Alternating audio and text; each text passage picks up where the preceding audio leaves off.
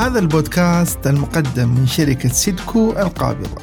يدور حول المال المال والمال. كيفية إدارة أموالك وكيف تحقق الاستقلال المالي. والأهم من ذلك مساعدتك في تحسين علاقتك مع المال.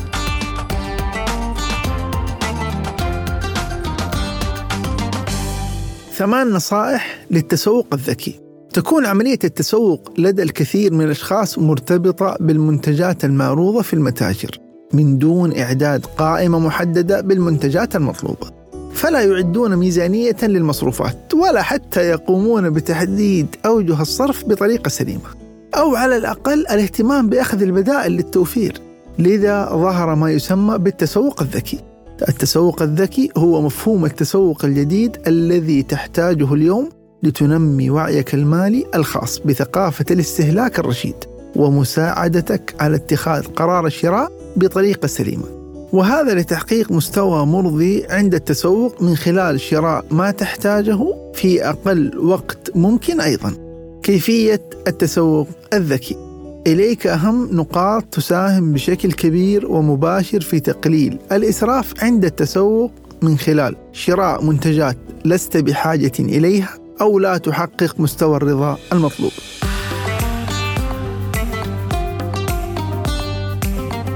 أولا وضع ميزانية للتسوق. يجب البدء بوضع ميزانية محددة للتسوق وذلك بناء على دخل واحتياجات الأسرة. فهذه هي الخطوة الأولى للتسوق الذكي لتفادي صرف المال بطريقة عشوائية. كما يجب عمل مسح شامل للمتاجر التي لديها المنتجات المطلوبة لاختيار ما هو المناسب من حيث السعر والجودة. فهذا يساهم في توفير المال.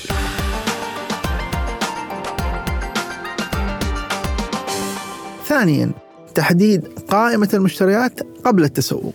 من أهم شروط التسوق الذكي هو عدم الاعتماد على الذاكرة في رصد مشترياتك في مراكز التسوق والمتاجر. فيجب تحديد قائمة بالمشتريات والعناصر التي تحتاجها قبل الذهاب للتسوق حتى لا تشتري أشياء لست بحاجة لها. فهذا يساعدك على عدم الخروج عن الميزانية المحددة. كما تختصر هذه القائمة عليك الوقت المستغرق أثناء التسوق.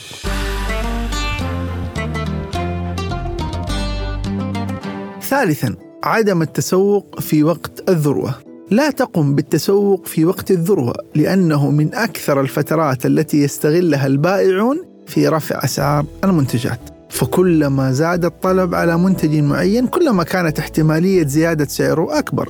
لذلك حاول أن تجعل مهمة التسوق بعيدة عن مواسم الذروة حتى تتجنب هذه الزيادة في الأسعار.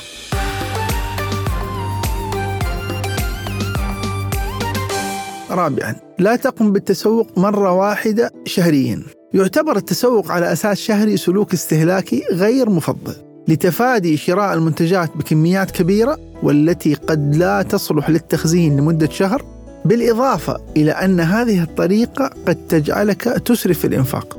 لذا يفضل أن تقوم بتقسيم عملية التسوق على عدة مرات شهرياً.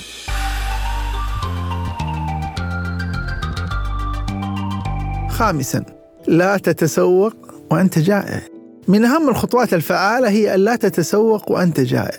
حتى لا تزيد من فرص إقبالك على شراء منتجات قد تكون مغرية في تلك اللحظة ولكنها غير ضرورية فيما بعد.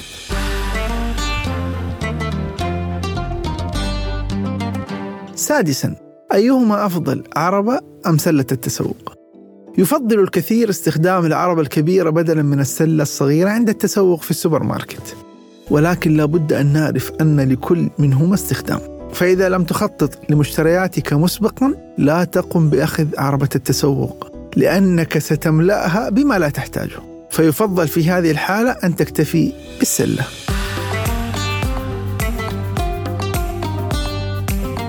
سابعا العروض الحقيقية.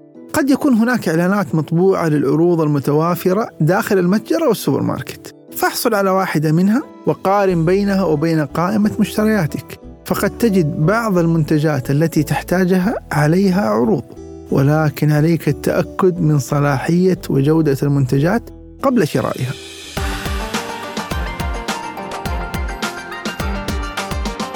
ثامنا مراجعة الفاتورة. عندما تصل إلى مكان الدفع قم بمراجعة الفاتورة وراقب السعر للتأكد من عدم وجود أخطاء مثل إضافة منتج مرتين أو أخطاء أخرى في الأسعار.